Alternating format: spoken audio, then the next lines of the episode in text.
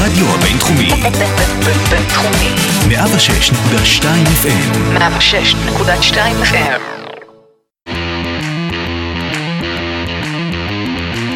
לא רק סטודנטים. פודקאסט הלימודים, קריירה והגשמת חלומות. עם יקיר אלעזרי. שלום לכולם אה, וברוכים הבאים לפודקאסט לא רק סטודנטים, הפודקאסט אה, שישנה לכם את כל מה שחשבתם על לימודים, קריירה והגשמת חלומות. אה, לפרק הזה יש שלושה דברים מיוחדים. אחד, המרואיין שיושב איתנו כאן הוא סופרסטאר רציני, אני אשמור את השם שלו אחרי שאני אסיים את הפתיח. הדבר השני הוא שאנחנו חוגגים יום הולדת 10 לפודקאסט, פרק עשירי. והדבר האחרון הוא שחזרנו לאולפני הרדיו. אז ככה שעכשיו אה, תשמעו אותנו באיכות טובה יותר. Uh, טוב, נחזור, נחזור שנייה לפרק. כמו שאמרתי וציינתי, האורח בתוכנית היום הוא סופרסטאר וקוראים לו דור עזרא. דור, איזה כיף שאתה פה. סוף סוף זה קורה. סוף סוף זה קורה. Uh, חייב להגיד גם שכאילו איתך הקלטנו את הפאליט הראשון של הפודקאסט. והוא היה... אתה חושף את זה. והוא היה גרוע. הוא היה גרוע, אבל... Uh, אבל אני חושב ש, שטוב שחיכינו, ככה אנחנו השתפשפנו, אה, ככה לקראת הרעיון שלך, אני באמת באמת חושב, אני גם אציין את זה, אה, שטוב, שטוב שזה קרה. אה, אני אמשיך ככה בהצגה העצמית, דור הוא בן 26, לומד מנהל עסקים ויזמות בבינתחומי. אה, כמובן שהוא לא רק סטודנט, הוא מקים ומייסד אה, של ברייק-אאוט, שהם חדרי הבריחה מהראשונים בישראל, אם לא הראשונים. היום הוא מנכ"ל ווייז על הבר. שזה בעצם מיזם ליצירת תרבות חיי לילה, מקדמת מדע, יזמות, טכנולוגיה, חדשנות, כל הדברים ככה, לכל, לכל הקהלים, נקרא לזה ככה, מכל מיני תחומים. אני כבר ראיתי גם דברים שקשורים לחינוך בווייז. דור עושה ועשה המון המון דברים, גם בפוליטיקה, בעולם הקהילות ועוד.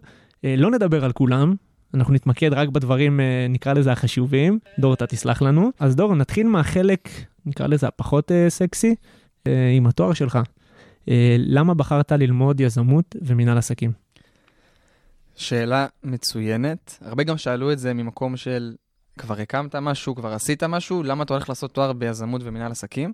אז האמת, הסיפור האמיתי הוא שלא התחלתי ביזמות מנהל עסקים, התחלתי משפטים MBA בבינתחומי לפני שלוש שנים. אה, ממקום שזה תואר אה, שנותן איזשהו ביטחון מסוים, גם משפטים, תואר שני מנהל עסקים, שנקרא זה יותר בנורמה. אה, ובאמת לקראת סוף השנה הראשונה הבנתי שמשהו לא מתחבר לי באני הפנימי שלי מה שאני עושה בתואר. בסוף זה גם תואר שהיה מאוד מאוד אינטנסיבי ולא אפשר לי כבן אדם שמאוד מחפש תמיד לעשות דברים מסביב לתואר, אז זה היה לי קצת קשה. ובאמת קיבלתי החלטה לקראת סוף השנה שאני צריך ללכת עם מה שהלב שלי מרגיש. אה, וגם לפני שהלכתי למשפטים MBA, הלב שלי אמר יזמות מנהל עסקים, אבל לא הקשבתי ללב, אה, וזו הייתה הטעות. אה, ובסוף השנה הזו פשוט אמרתי לעצמי, דור, אתה יודע שזה התחום שמעניין אותך, זה התחום שאתה יכול הכי לפרוח בו, ומעבר לזה, זה גם התחום שייתן לך במקביל לתואר, כן להמשיך בעשייה, בין אם זה פוליטיקה או, או יזמות או מנהל עסקים, אז זה הסיבה שבסוף בחרתי בתואר הזה. יזמות זה מונח, אפשר לקרוא לזה רך. מכמה, מכמה סיבות, כי קשה גם uh, למדוד, קל למדוד יזמות אחרי שבאמת עושים איזה משהו, יוזמה כזאת או אחרת. Uh, אבל אני שם אותך ברובריקה הזאת שכבר אולי חוותה כמה, כמה דברים uh, יזמיים עוד לפני התואר, ונשים את זה בצד. למה, למה אתה צריך מנהל עסקים? למה התחברת בתואר במנהל עסקים? יזמות אני יכול להבין.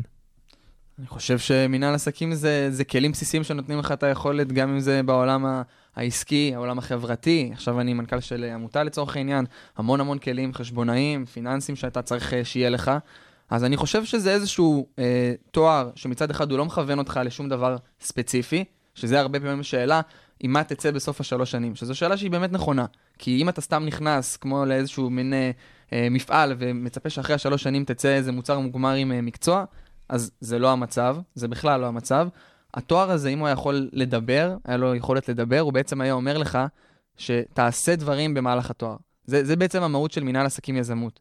כי הפרקטיקה, הניסיון בעולם האמיתי, זה זה שנותן לך את ההשלמה וגם את היכולת להבין מי אתה באמת ואיזה תחומים בתוך הדומיין הרחב הזה של מנהל עסקים יזמות, שזה דומיין שבאמת יכול לקחת אותו ל marketing ומימון ויזמות חברתית ו- ועוד ועוד.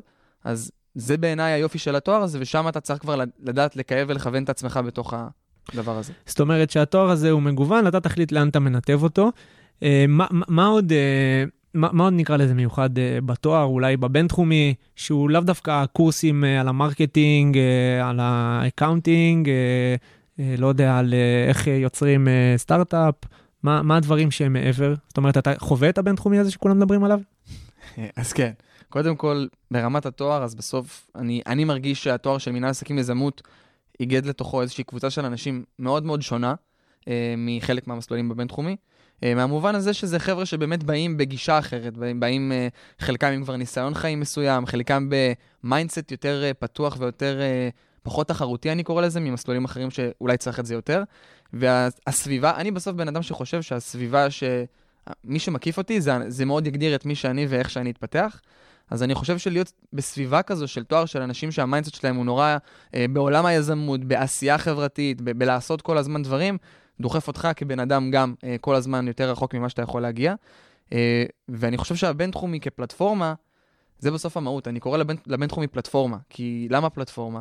פלטפורמה זה אנשים, פלטפורמה זה תוכניות, פלטפורמה זה הסביבה, ואני חושב שיש בו המון המון מה לטעום בבינתחומי, וזה גם לפעמים אה, מבלבל, כי אתה באמת לא יודע לא, לאיזה זוויות ללכת, אבל זה באמת הזמן של השלוש שנים האלה של ניסוי, ניסוי וטעייה. בוא נלך לתוכנית מסוימת בעולם הייעוץ, נגלה אם אני אוהב את זה או לא. בוא נלך לתוכנית שמתעסקת בעולם ההסברה, אני יכול גם להבין אם אני אוהב את זה או לא. אז השלוש שנים האלה זה כל מה שקורה מסביב ללימודים, זה איזושהי מקפצה להבין גם מי אתה ומה אתה הרבה יותר טוב. שזה משהו שלפעמים אנחנו לוקחים אותו כמובן מאליו, אבל גם להבין מה אתה לא, זה הרבה פעמים יותר חשוב לפעמים מלהבין גם מה אתה כן. אז הי- היום אתה, אם אני מסתכל על השנה הראשונה שלך, שעוד אה, הלכת לתואר אחר, אה, אתה יכול להגיד שבאת, אפשר לקרוא לזה, היום אתה יותר ממוקד מה, מהשנה הראשונה, היום אתה יודע מה אתה רוצה לעשות אחרי התואר, אם אני עכשיו אבא שלך, לא יודע, אולי אבא שלך לא כזה, אבל אם אני עכשיו כמו ההורה, נקרא לזה המיינסטרים, ששואל את הבן שלו, אוקיי, מה אתה עושה אחרי התואר?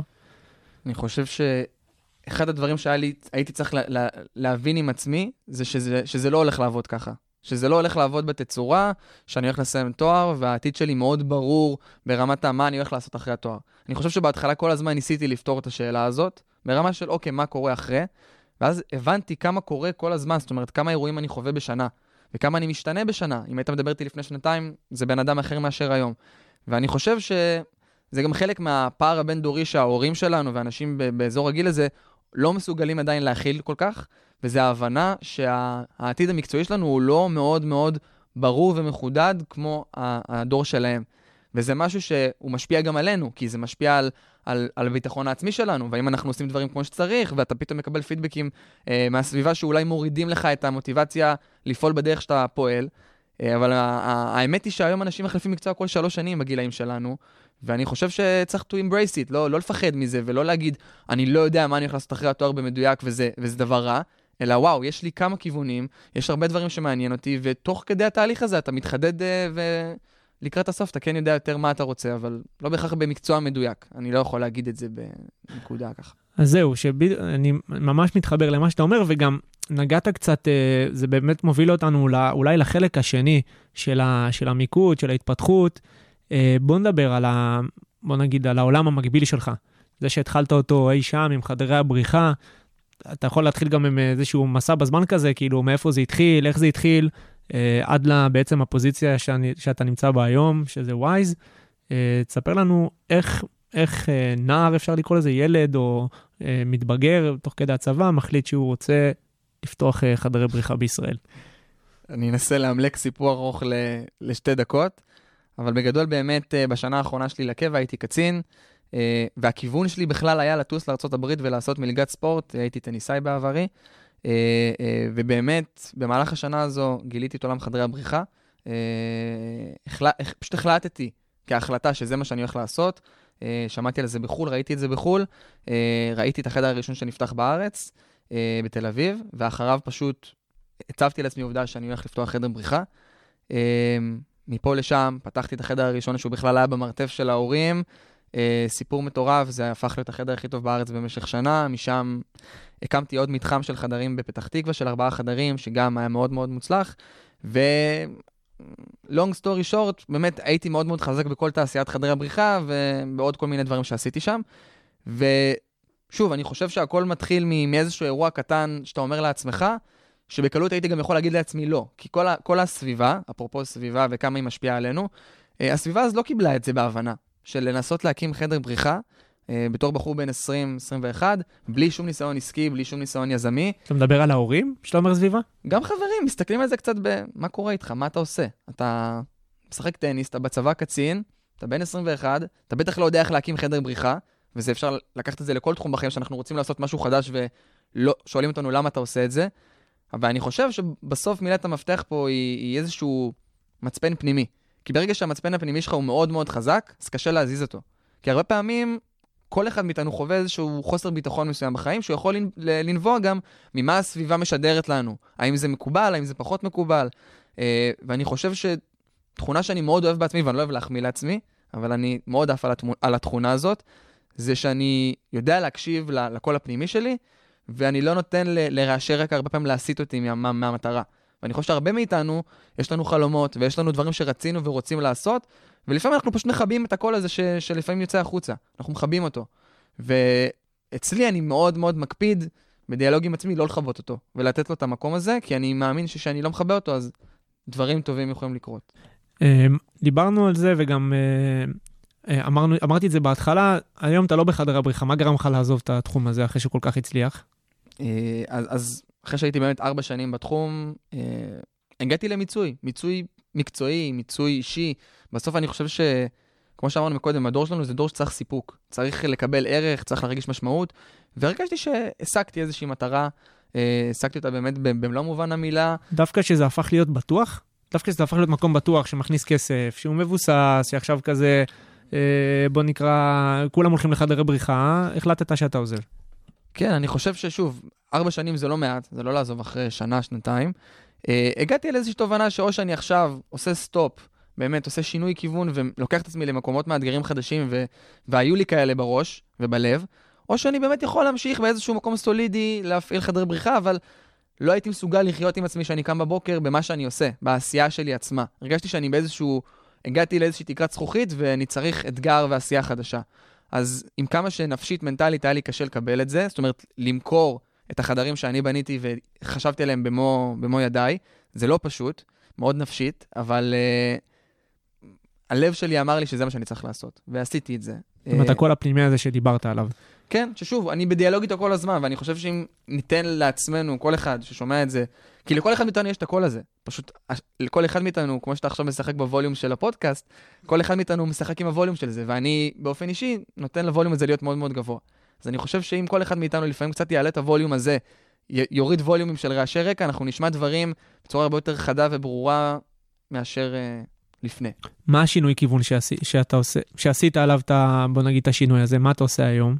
או בכלל, מה, מה חשבת שאתה רוצה לעשות אז מבחינת השינוי כיוון הזה? אם זה לקחת הפסקה שנייה מה, מהתחומים האלה, לנוח קצת, או היה לך משהו ברור? אז, אז לא, אני חושב שהרבה פעמים הקושי הוא, אם אין לך משהו ברור, אז אתה לא רוצה לעשות את הצעד הזה. אז אני אמרתי, אני עושה את הצעד הזה, ואני אני מאמין שאחרי שאני אעשה אותו, ייפתחו לי עולמות ו- וכיוונים שלא יכולים, היו יכולים להיפתח לפני. אז באמת, אחרי שמכרתי את החדרי בריחה, מצאתי את עצמי באיזושהי נקודה רגע של, כרגע אין לי איזושהי עשייה משמעותית אה, מאוד אינטנסיבית לאיזושהי תקופה קצרה, שזה מע- מעלה קצת איזשהו חוסר ביטחון, והאם עשיתי את הדבר הנכון, אבל כל הזמן הקונטרה שנתתי לעצמי זה שדור, תן לעצמך את הזמן, ו- ודברים יתחברו. Um, לא היה לי כיוון ספציפי, ידעתי שהעולמות החברתיים מאוד מעניינים אותי, זה כן היה לי בראש. אני חושב שלא היה לי משהו ממוקד, אבל כן היה לי דומיינים שקשורים ל- לעשייה חברתית, כי באתי מעולם של חדרי בריחה, שזה לא קשור לעשייה חברתית, זה יותר עשייה יזמית עסקית, אה, טהורה, והיה חשוב לי להביא את עצמי ואת את הערכים שלי לעולם החברתי. אה, ובצורה הכי פשוטה, בסוף ראיתי פוסט בפייסבוק שמחפשים מנכ"ל בווייז, אה, הגשתי מועמדות בלי להכיר את האנשים, ומשם אה, השאר זה היסטוריה. בוא, בוא תספר לנו קודם כל מה זה ווייז, יש כאלה שמאזינים לנו ובטח לא יודעים מה זה, ואם הם לא יודעים מה זה, אז אנחנו רוצים גם שהם ידעו מה זה, כי ב- לי ווייז באופן אישי עזרה המון, אז מה זה ווייז? מה, מה המטרה של העמותה הזאת? אז אז ווייז זו עמותה שקיימת כבר תשע שנים, הקימו אותה יוצאי 8200, שהמטרה שלהם הייתה להנגיש תוכן וידע בעולמות היזמות, טכנולוגיה, מדע, היום כבר התרחבנו לעוד עולמות אה, נוספי, אה, נוספ, נוספים ר- רבים, אה, ולהעשיר את תרבות חיי הלילה, בעצם לייצר איזושהי אינטגרציה בין זה שאפשר לצאת לבר, לשתות בירה וללכת, אפשר לצרוך תוכן באיזשהו אה, וידאו במחשב, אבל אפשר לקחת את שתי, שני הדברים האלה ביחד, ובעצם לצרוך תוכן וידע שיעשיר ויקח אותנו למקומות חדשים בחיים, ותוך כדי גם בעצם להפוך את הבילוי שלנו שאנחנו יוצאים בערב לבילוי הרבה יותר מעשיר ומעניין, וגם להכיר אולי אנשים חדשים. איפה אתם פועלים? אז היום יש לנו, קודם כל חשוב להגיד שבסוף הארגון מבוסס מתנדבים. זאת אומרת, יש uh, מספר אנשים שהם בתפקיד בשכר, אבל רוב ה, הרוב הגדול, שזה בערך 55 אנשים, זה אנשים שהם מתנדבים, והם מנהלים את הפעילות הארצית של הארגון מבאר שבע הכי דרומי ועד חיפה הכי צפוני, ובעצם בכל עיר יש מנהל סניף ואנשים שמובילים את הפעילות המקומית, והם בקשר ובעצם מייצרים תוכן מקומי בתוך העיר, uh, בין אם זה בנושאים של יזמות, מדע, קריירה, אה, כל מה שאתה רוצה, בהתאם גם לביקוש שיש בתוך העיר עצמה. זאת אומרת, תמיד יש איזשהו דיאלוג להבין מה, מה הצעירים בעיר מחפשים, מה יכול, מה יכול לעשות להם טוב, ויש גם המון המון אה, שיתופי פעולה עם גורמים, בין אם זה עיריות, מרכזי צעירים, קהילות, אה, ש, שבעצם יש- ישתפו איתנו פעולה בשביל לייצר תוכן יותר איכותי. אה, ובעצם העמותה הזאת, זה, זה, על זה היא קמה, אה, אבל אה, מן הסתם, עם הזמן היא עשתה גם עוד אבולוציות.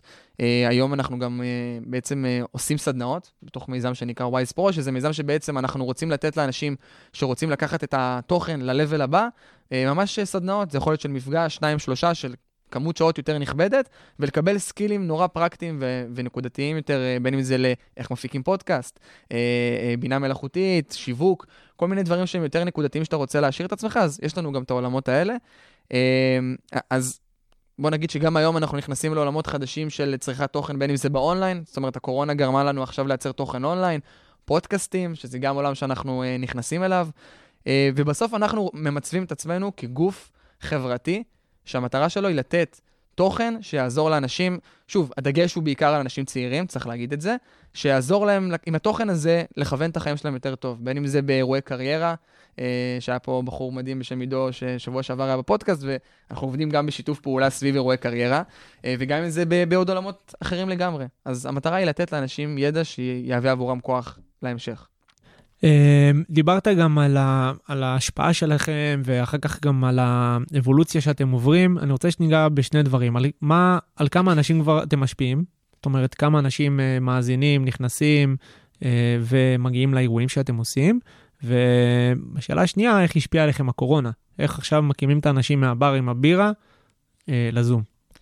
אז שאלה ראשונה הייתה, תזכיר לי? שאלה ראשונה הייתה, על כמה אנשים כבר הצלחתם להשפיע, כמה אנשים כבר אה, נמצאים בתוך הקהילת וויז, אפשר לקרוא לזה. סגור. אז, אז היום אנחנו כבר פועלים תשע שנים, אפשר להגיד שעשינו כ-1,500 אירועים בכל הארץ, אה, שאנחנו מעריכים את הכמות כ-300 אלף אנשים שהיו באירועים האלה פיזית.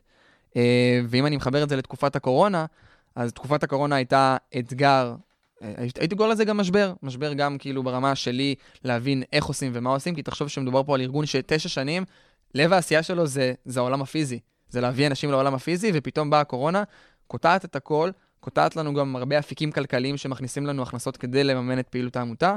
אנחנו מאוד מהר צריכים להבין איך אנחנו ממציאים את עצמנו מחדש ואיך אנחנו עדיין רלוונטיים. אה, ומאוד מאוד מהר בתקופת הקורונה הבנו שאנחנו לוקחים את האירועים הפיזיים לעולם הדיגיטלי.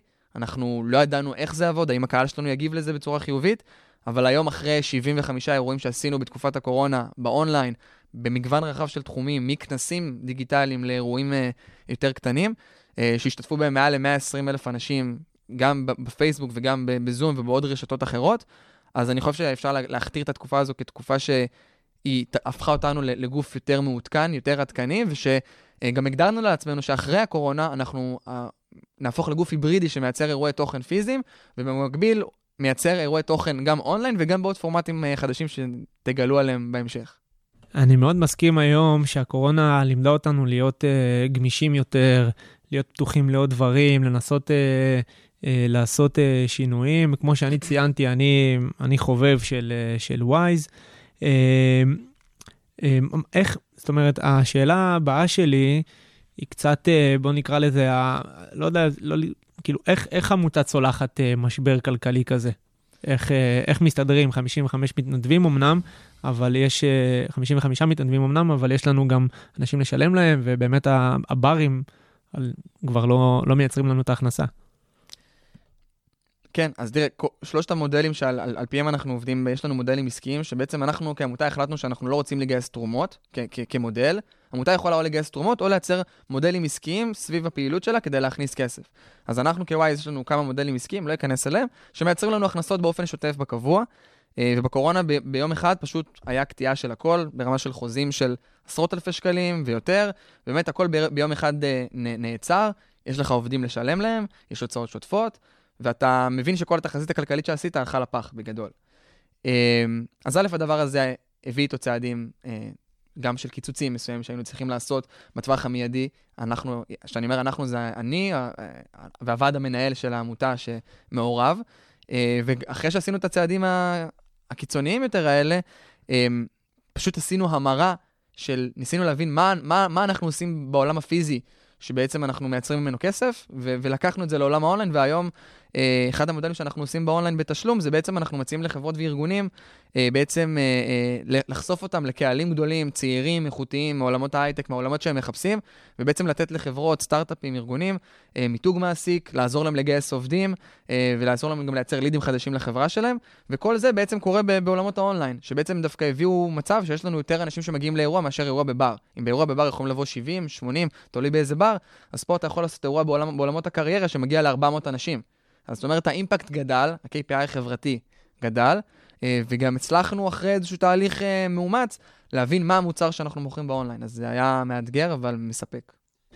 אה, תספר לנו קצת מהחוויות שלך, אה, שלך כמנכ"ל. זאת אומרת, אתה עכשיו בא, נכנס למקום שכבר פועל כמה שנים, יש לך את האג'נדה שלך, אה, יש לך את הרצונות שלך. אה, תספר לאנשים שעכשיו, לא יודע, אולי יש להם איזשהו חלום כזה, גם להיות מנכ"לים צעירים של עמותות. אה, איך, איך, איך, איך זה היה לך? מה היה... בוא תספר, אולי תשתף אותנו גם ביעדים שלך, נראה לי זה הכי, הכי, הכי קולע. אז יש פה איזשהו עניין שאתה מצד אחד בא עם המון מטען והמון רצון והמון מחשבות, ואתה חושב שאתה יכול לשנות את העולם, שזה נחמד, אה, אבל אז אתה מגיע לארגון שקיים תשע שנים, והוא בעצם משפחה, יש בו אנשים, יש בו מתנדבים, יש לו דינמיקה מסוימת, אה, ו... וסוג של נכנסתי כמו איזה נטע זר. ביום אחד מגיע בן אדם חדש, לא התנדבתי גם לפני בארגון, אה, והייתי צריך בשלב הראשון, שכמובן זה תהליך ארוך טווח, זה לייצר אמון. אה, כי אתה יכול להגיד אחריי, אבל אף אחד לא ילך. אז השלב הראשון, במיוחד שאתה עובד בעולמות החברתיים, זה הבין אישי. זה, זה לדעת לגעת באנשים ברמה הכי אישית, שכדי שתוכל להגיד אחריי, ולא משנה לאן, משבר, קורונה, whatever, אנשים ילכו אחריך. אז אני חושב שאחד הקשיים, אתגרים הכי גדולים שחוויתי, ועדיין חווה, אני חושב, אה, זה ההבנה שאני צריך לבנות ולבסס ולייצר אמון, כדי שאני אוכל להוביל את האג'נדות ואת הדברים שאני רוצה לקדם, שזה אחד הדברים החשובים. אני חושב שזה גם איפשהו אתגר אותי ברמה המקצועית של ניהול הזמן שלי וניהול משימות, ואיך אני מנהל, איך אני מנהל. בעצם זה אתגר את הכישורים הניהוליים שלי וגרם לי להבין שיש לי עוד המון מה ללמוד ועוד המון מה לשפר. עושה את זה עדיין כל הזמן. אז אני חושב שפה, אני לא, לא יודע אם לקרוא לזה כישלון, אבל אני חושב שזה איזשהו כאפה שהבנתי של, אוקיי, אתה יודע דברים מסוימים. אבל לא את הכל. ממש ממש לא את הכל. ואני מאוד מקפיד על זה גם באינטראקציה שלי עם אנשים בארגון, עובדים, מתנדבים, אה, להגיד בריש גלי שאני לא יודע הכל, ואני רוצה תמיד, תמיד, תמיד, תמיד, תמיד לשמוע ביקורת. עליי, עליי כבן אדם. אתה לא עושה משהו טוב, אתה לא מתנהל טוב. אה, ממש כל דבר שאפשר אני רוצה לשמוע, כי זה מה שהופך אותי לגרסה יותר טובה מחר בבוקר. אה, נשמע שאתה עובר אה, מסע מופלא, אה, גם אה, ברמה הבין-אישית, גם ברמה הארגונית, והקורונה, יש כאלה שמקללים את התקופה, אבל אני מין, אה, במין אמונה כזאת שכולם יגידו, יש, יש, בה גם, אה, יש, יש בה גם אה, דברים טובים. אה, בוא נדבר קצת על כישלונות. זה, זה לא סוד ש, שאנשים, נקרא לזה מוצלחים, נעשו מוצלחים כי הם נכשלו הרבה, ואני שם, ואני שואל את השאלה הזאת כל פעם, הביקורת שאנחנו מקבלים פה על הפודקאסט זה שמגיעים לפה זה כאלה תותחים שמדכאים את כולם. אז, אז, אז בוא, יאללה, אז בוא תספר לנו. את החלק בדיוק, את החלק הפחות, הפחות נקרא לזה מוצלח בסיפור שלך. סבבה, אז אני אתחיל מה שדיברתי עליו עכשיו, על ווייז, לצורך העניין. אתה יודע, נכנסתי לתפקיד מנכ"ל עם המון ציפיות מעצמי, היו ציפיות ממני. אמ, ואז מהר מאוד באמת הבנתי שהמציאות מאוד מאוד שונה מהתיאוריה. אה, ואתה יודע, באתי באמת, היה לי תוכנית עבודה, איזושהי תוכנית עבודה, איפה אני רוצה שווייז תהיה ב-2020, 2021, אה, תחומים חדשים שאנחנו רוצים להיכנס אליהם. היה לי המון תוכניות והמון שאיפות. אה, ובסוף השאיפות האלה מגדירות בשבילי, האם נכשלתי, האם הצלחתי, אני צריך איכשהו למדוד את עצמי. אה, ואחד הדברים כמנכ"ל זה שאין לך הרבה פידבקים, אה, כי אתה בתפקיד כזה קצת בודד לפעמים. זאב בודד. זה, זה לגמרי ככה. אה, ובגלל זה אתה עוד יותר צריך להיות קשוב עם עצמך ולהיות מודע לדברים שאולי קשה להיות מודע אליהם, כי אין לך את הפידבקים האלה כל הזמן. ובריש גלי אני יכול לומר שהמון המון דברים ש- שתכננתי ושאפתי לשנות בארגון, בסדר? בין אם זה ברמת המבנה הארגוני, ובין אם זה ברמת תחומי עניין. לדוגמה, אני נורא רציתי שב-2020 ניכנס לעולם הפודקאסטים, וכבר יהיה לנו פודקאסט שלנו, עובד, רץ, אה, ואנחנו ביוני, ובוא נגיד שאני לא עומד ביעדים האלה. אה, אז אני יכול לומר בצורה הכי פשוטה, שהרבה מהיעדים שהגדרתי לעצמי לאיפה שאני רוצה שווייז תהיה, אה, ודברים שאני רציתי שיקרו בארגון, לא קרו. ואם אני מפריד את ווייז מהסיפור הזה? מה הכוונה? הכוונה היא ש... ש... אוקיי, דיברנו על ווייז, ברור לנו כ... כ... כאנשים שמובילים, אה, אה, שעובדים בכל מיני מקומות, גם אם זה ברמות, ברמות ניהוליות על אחת כמה וכמה, אה, אבל בוא, נ... בוא נקרא לזה ברמה האישית. היו לך ימים שלא יודע, שקרסת בהם, ש... שאמרת, אני קם, לא בא לי לקום בבוקר, בא לי להישאר במיטה, אה, קצת ברמה האישית יותר. אז תראה, יש ימים והיו תקופות, גם בקורונה וגם לפני, שאתה- שכל הזמן חשבתי לעצמי, אולי אני, אולי אני בעצם מוביל את הארגון הזה למקומות לא טובים. הרגשתי שאולי בעצם אני לא מתאים לתפקיד. אני חושב שזה משהו שקורה כל הזמן, אני חושב שאי אפשר להכחיש את זה. זאת אומרת, אתה בדיאלוג כל הזמן עם עצמך, רגע, מה אני עושה, והיה לי המון, המון רגעים, והם עדיין קורים, כן? אני חושב שאי אפשר להכחיש שזה לא דברים שהם עולים ו- ויורדים. אה, לפי מה שקורה, סתם לדוגמה, בתקופת הקורונה היינו באיזשהו משבר כלכלי מסוים. זאת אומרת, אתה מבין שאתה צריך לפטר עובד, אתה מבין שתזרימית יש איזושהי בעיה, ואז אתה אומר, רגע, איפה אתה היית ואיפה אתה... אז חד משמעית, אני חושב שברמה האישית, התפקיד הזה גרם לי לערער בעצמי על המון תכונות שחשבתי שיש בי, בין אם זה ניהוליות, בין אם זה מנהיגותיות, בין אם זה עסקיות, שאני כן חושב שיש בי, אבל פתאום חטפתי כאפה שדברים לא קורים כמו שרציתי וכמו שתכננתי, ובאמת קמתי בבוקר ושאלתי את עצמי, אולי אני עושה נזק לארגון? אולי אני לא הבן אדם הנכון לתפקיד הזה? אמ, וזה בסדר, זאת אומרת, אני אומר, אני לא מדחיק את זה. אני גם לא אוהב... אתה, אתה, אתה מתמודד מול זה. אני גם לא אוהב לייצר תמונה, אתה יודע, הטייטל הזה מנכ"ל, אני אומר לך, אני לא, לא אוהב את זה. לא אוהב את זה. אני הוא לא... טייטל מחייב, אין מה לעשות, זה מחייב. אני יודע, והרבה פעמים יותר מהסביבה מאשר מעצמך, כי אני, אני מעדיף לומר שאני מנהל, ולא להגיד את המנכ"ל, כי, כי, כי שוב, זה איזשהו משהו נוצץ וזוהר ומנכ"ל. ובסוף בעולם, במציאות, אה, שאתה מנכ"ל של עמותה, אתה מתעסק מפיתוח עסקי למכירות, ל- ל- ל- להתנדבות, למיליון דברים. זאת אומרת, זה לא איזה מין אה, טייטל נוצץ ש... זה לא ככה. אז אני חושב שגם הרבה פעמים לסביבה, שאתה לפעמים הסביבה כאילו, כן, ואתה מנכ"ל, ופה וזה, אני ישר מגלגל כזה עיניים ומנסה, מנסה, אני לפחות מנסה לחבר את זה למציאות ולשתף אותם ב...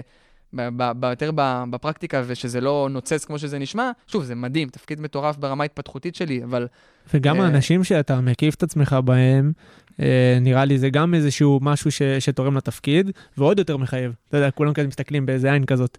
נכון, אבל אני מאוד סולד מזה איפשהו. אני מאוד לא אוהב שמסתכלים עליי מה, מהעדשה הזאת של דור המנכ"ל, או דור היזם. או...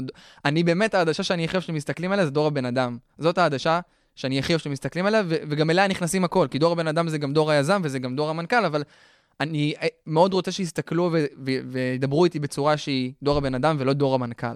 שכחנו שאתה סטודנט גם. אה, נכון. איך, אה, איך, איך, ה- איך כל העניין הזה של המנכ"לות ושל הזה מסתדר לך באמת עם הלימודים? או שהלימודים זה לא- מין כזה שאתה בא ושומע חופשי, ו... אה, יש מבחן היום? כזה? א', אה, חבר, חברים טובים אה, בתואר שעוזרים, עמית, אה, תודה. אם היא תשמע את זה. אה, אני חושב שתשמע, זה גם איזשהו איזון שאני עדיין לא יכול להגיד לך שאני 100% עליו. זה תקופות, פתאום באה הקורונה ואתה מבין שאתה חייב לעזוב הכל ולהרים את העמותה שלא תיפול. אני חושב ששוב, המעבר למנהל עסקים יזמות היה בדיוק מהמחשבה שאני יכול למצוא את עצמי בתפקידים כאלה שידרשו ממני עצימות מאוד מאוד גבוהה, ו- ויאמר לזכות התואר, באמת אני אומר את זה לזכותו, שזה תואר שהוא הוא, הוא מעודד מאפשר. את זה. אני גם מרגיש שהוא הוא מעודד את זה, זאת אומרת, מעודדים אותנו לעשות דברים. אז כאילו, אני לא מרגיש שאני, לא בס... זה לא בסדר שאני מאוד מאוד עמוס בעבודה ו... וכולי, אלא התואר, התואר בעצם אומר לי, תעשה. שוב, אתה כן צריך לשמור על איזשהו איזון מסוים, כן ל- ללמוד, כן להגיע למבחנים ולעשות וכולי, אבל כן, אני יותר נמצא בעבודה מאשר להיות בכל שיעור עכשיו מרוכז, מודה בזה, מקווה שלא יכעסו עליי שאני אומר את זה, אבל אני חושב שגם מי ש...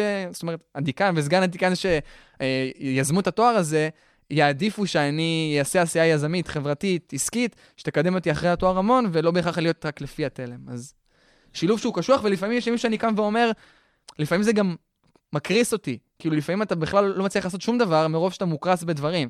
שזה משהו שאני גם סתם, השבוע חוויתי. השבוע פשוט הייתי מאוד לא פרודקטיבי, כי פשוט קרסתי ממשימות מפה ומשם, וגם זה לא היה טוב וגם זה לא היה טוב. אז, אז זה קורה כל הזמן. אני חושב שפשוט ה, ה, מה שאני מנסה לעשות עם עצמי זה לראות שאני כן משתפר. אני גם מבקש פידבקים מאנשים שאני עובד איתם בווייז או, או מקומות אחרים, שממש תנו לי פידבקים, ונתנו, וואלה, נתנו לי פידבקים, אמרו לי שאני במיילים לא מתנהל מספיק אה, בצורה מסודרת, ואמרו לי, באמת נתנו לי פידבקים, ואני גם ביקשתי אותם, ביקשתי אותם כי, כי הבנתי שאני צריך להשתפר בכ- בכל מיני דברים. כי פתאום כשאתה מנהל ארגון יחסית שיש מאוד רחב עם המון תחומים, אתה חייב להיות הרבה יותר מחודד וחד, ולהתנהל בצורה הרבה יותר טובה כבן אדם. וגיליתי שאני לא עושה את זה מספיק טוב. וואלה, נכשלתי בהיבט הזה, הייתי בטוח שאני ממש טוב בזה, ופתאום גיליתי שאני ב-50% ולא ב-80%. אז דיברת פה על, אה, ציינת שלוש מילים. זה היה איזון, קריסה, עומס, חדות, אה, יותר משלוש מילים, ש... שאותי מעניין לשמוע מה עוזר לך לשמור על איזון. איזון נקרא לזה נפשי, מה עוזר לך לנשום, להירגע, אה, בוא נגיד המקום המפלט שלך. שאלה מצוינת. אז, אז ת, תראה, זה תקופות, באמת יש תקופות שאני לא מוצא את האיזון. אני פשוט לא מוצא אותו. זה אומר שאני אוכל פחות לפעמים, ואני לא צריך לעשות ספורט. זה קורה, אני לא אכחיש שאני בן אדם אה, שנמצא באיזון תמידי, זה לא המצב. אני... אבל בכל זאת, אז אני חושב שקודם כל אמרתי לך שאני, אמרתי בהתחלה שאני טניסאי, אה, וטניס זה אהבת חיי, באמת, ברמה שהיא בלתי ניתנת לתיאור, אז אני מקפיד לפחות פעם בשבוע בסופש, לנקות את הראש ולשחק טניס, אם לא פעמיים, וזה איזושהי נקודת מפלט שאני מחכה לה לפעמים, אני מחכה ליום שישי בבוקר, דרך אגב, היום ויתרתי על זה בשביל לבוא לפה, אז... אה, מודים לך מאוד פה אה, בהפקה. אבל זה, אבל זה גם תרפיה, אני חושב שזה גם תרפיה, מה שאני חווה פה, הטיפול הזה. אז אני חושב שספורט, ספורט זה דבר שהוא מאוד מאוד חשוב, ואני באמת חושב שהדבר שהכי מאזן אותי, שאני באמת מגדיר לעצמי לפעמים זמנים ואני לא עובד. באמת לא עובד. אני כאילו, זה התהליך. בהתחלה לא הצלחתי להפריד בין עבודה לבין חיים אישיים לבין פנאי, לא, לא הצלחתי למצוא את, את, את ההבדל ביניהם, וגם בשבת וגם בשישי, פגישות ושיחות, ו... ואז עצרתי את עצמי אחרי תקופה שבאמת הרגשתי שאני שוחק את עצמי, הרגשתי שאני לא מוצא איזשהו איזון ואני מרגיש שזה לא נכון, ופשוט הגדרתי, ברמה של לא משנה, יכול להיות שזה יפיל משימה עכשיו, או דברים לא יהיו הכי טוב, אבל אני אתה לא נוגע. שישי בצהריים, דור יוצא לחופשה. דור יוצא לחופשה ודור ילך לשחק טניס, ודור יישב ויראה טלוויזיה, ודור גם ישחק בפלייסטיישן, אתה יודע מה? כן, הוא יעשה את זה.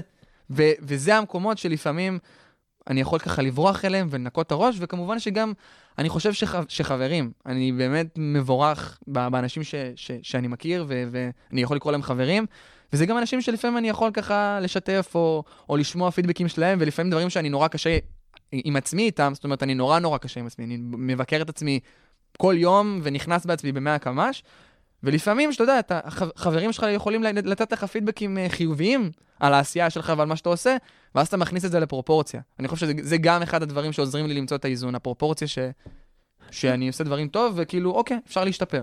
לגמרי. על מה, על מה ויתרת?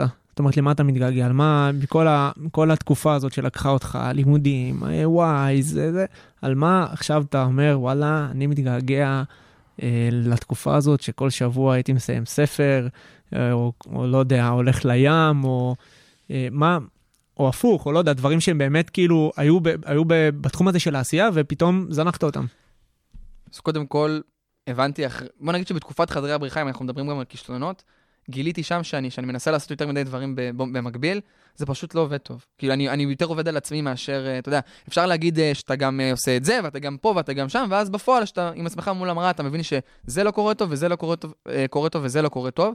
אז אני חושב שאחרי הכאפה שחטפתי בה לפני כמה שנים, שהבנתי שלעשות יותר מדי דברים במקביל, יכול רק לייצר נזק במקום תועלת, אז מאז שנכנסתי לווייז אני כן הרבה יותר פוקוסט, אני פחות לוקח תוכניות בבינתחומי, פחות מעורב בעוד הרבה דברים במקביל, ויותר ממקד את עצמי בעשייה.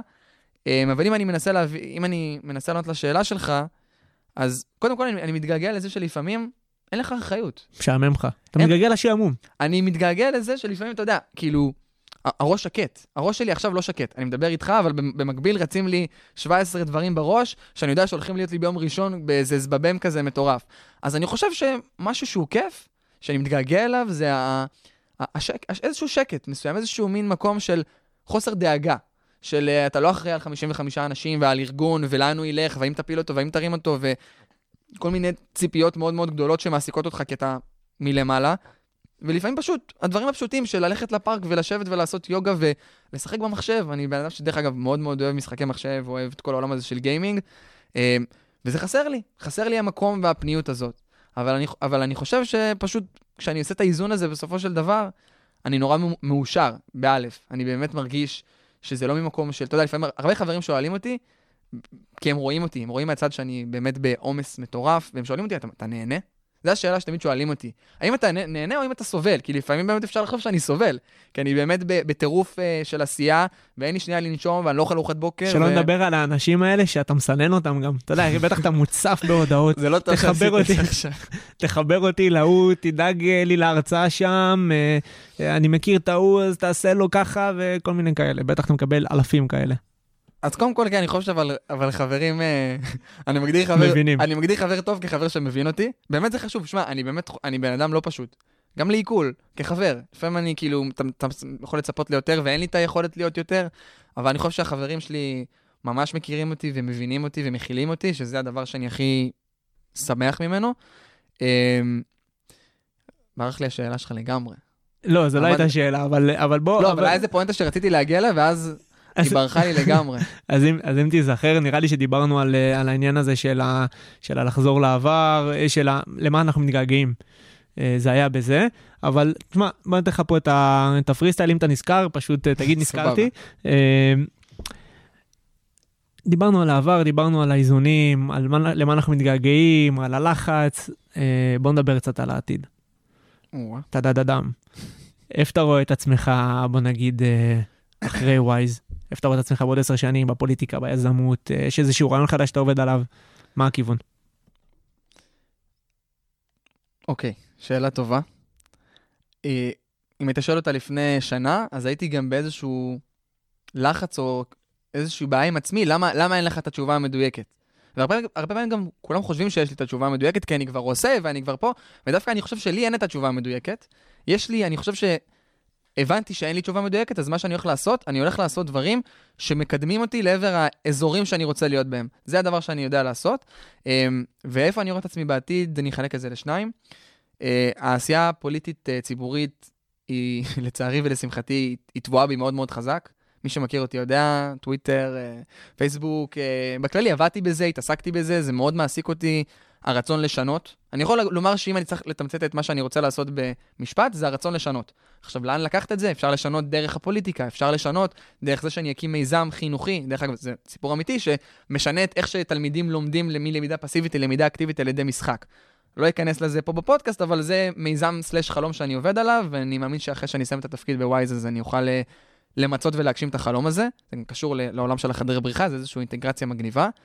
אה, אז אני חושב שבשיח שעשיתי עם עצמי הפנימי, אמרתי לעצמי ש- שבעשור הקרוב אני רוצה לקחת צעד אחורה מהפוליטיקה כדי להתעסק בעשייה אה, חברתית, עשייה יזמית. אני רואה את עצמי כיזם, אני אוהב את התחום הזה, אה, אז אני מאמין שאחרי הפרק של ווייז, שככה הגדרתי לעצמי שהוא יהיה פרק של שנתיים. גם היה חשוב לי להגדיר שזה פרק של שנתיים, כי זה מספיק זמן לשנות בארגון. לדוגמה, אם אני אעזוב אחרי שנה, אני באמת ארגיש חוסר מיצוי מטורף. אז אם אני מתמצת לך, מתמצת לך איפה אני הולך להיות בעתיד, אז בעתיד הרחוק פוליטיקה, נקודה.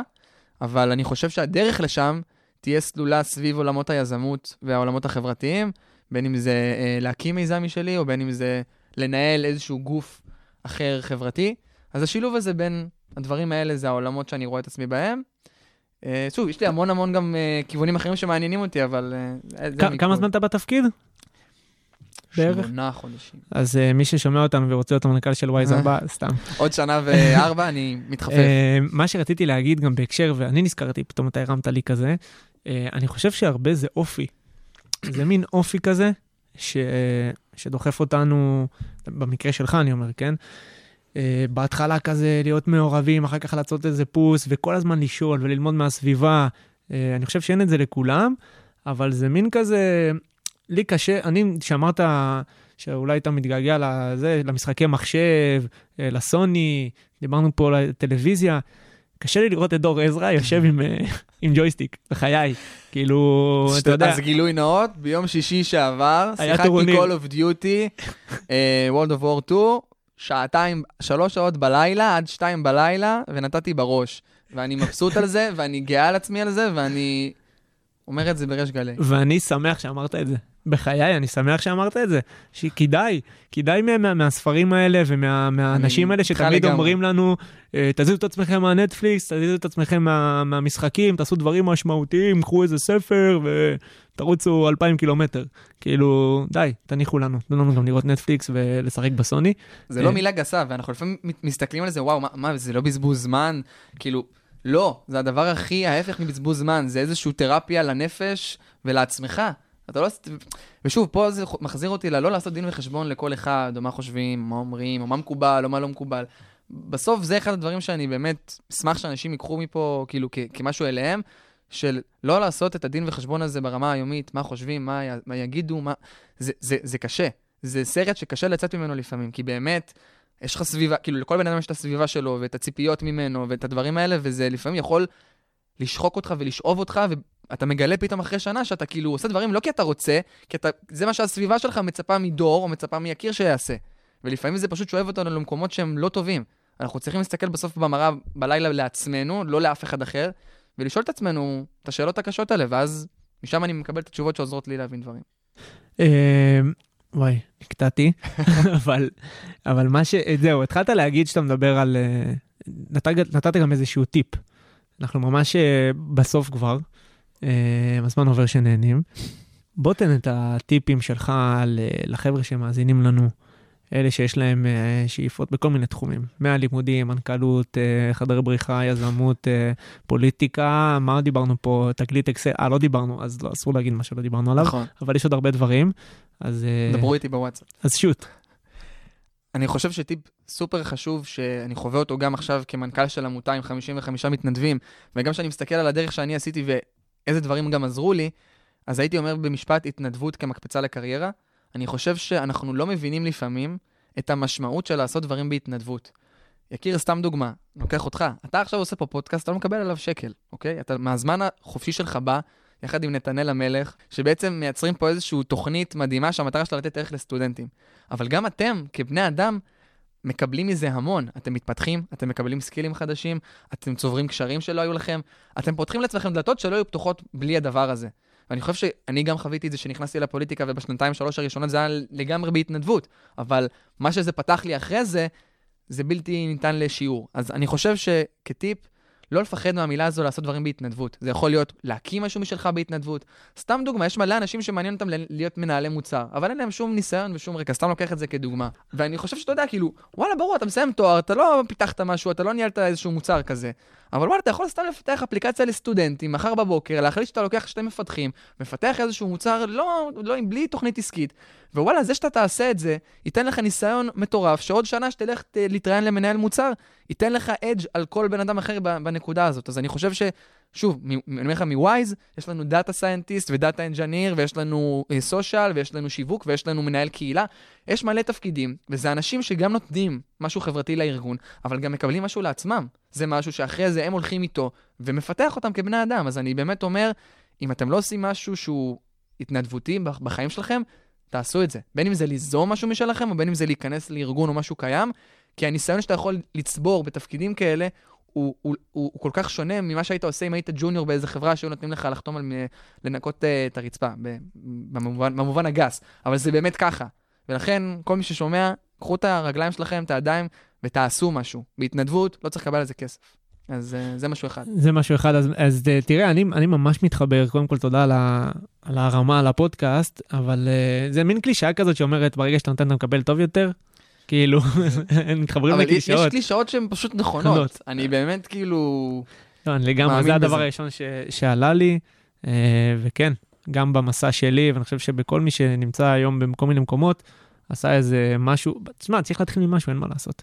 אוקיי, הפרעתי לך, בוא, בוא תמשיך אז- עם, ה, עם הטיפים, עם שאר זה- הטיפים. זה דבר אחד שאני חושב שכל כל אחד מחר בבוקר ממש יכול ליישם את זה.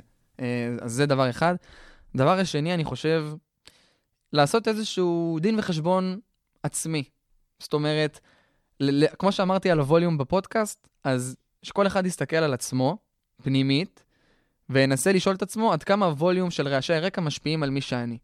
זו שאלה קצת גדולה, אבל אני באמת חושב שמי שיעשה את זה, יישב, ובאמת ינקה עכשיו את הסביבה, ונורמות, וכל מיני דברים שבאמת משפיעים על איך שאנחנו מתנהגים וההחלטות שאנחנו מקבלים. אתה יודע כמה אנשים אמרו לי, של הלוואי שהיה לי את האומץ לעזוב את התואר במשפטים? מלא אנשים שכבר סיימו, עושים, זה... מה זה אומץ? מישהו מונע ממך לעזוב? לא, אבל מה שמונע מהם לעזוב זה איך מסתכלים על זה, הנורמות, המשפחה, הדברים שאתה בעצם, זה, אני קורא לזה רעשי רקע.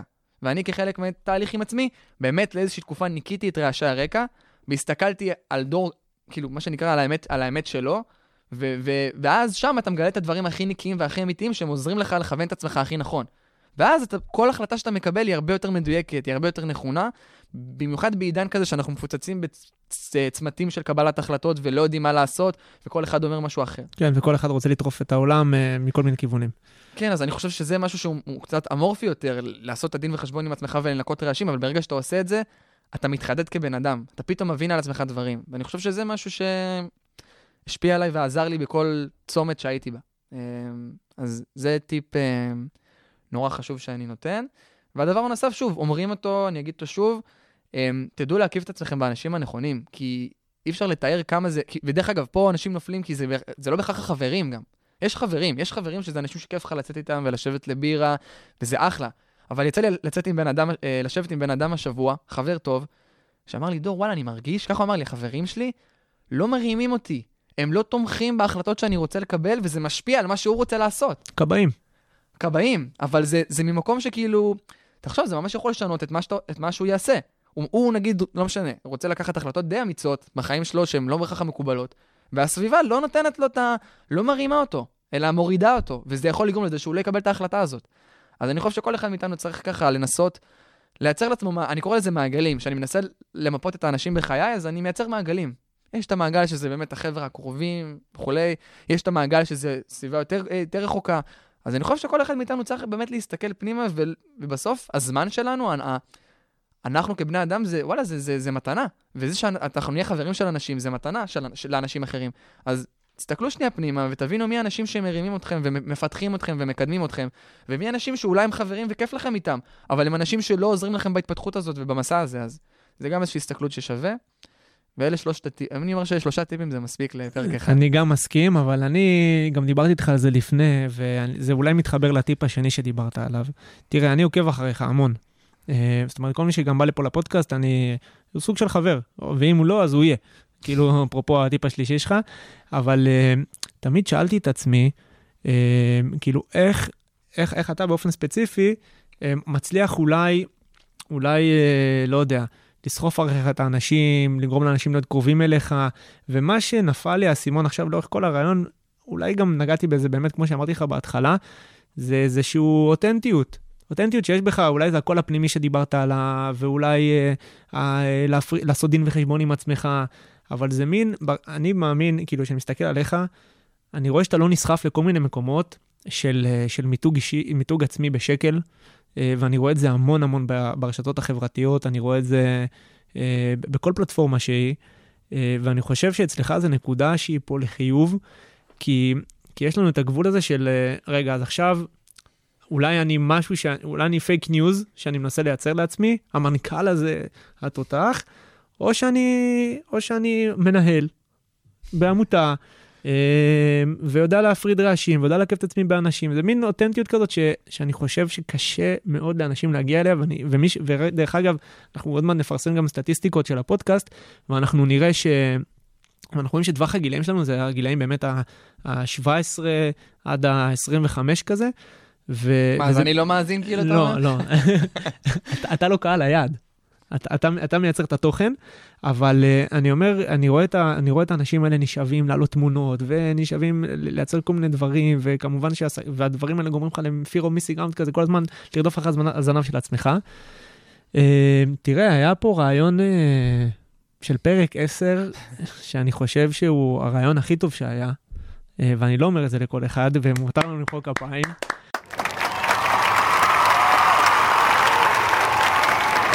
היה רעיון מעולה, אתה היית מעולה.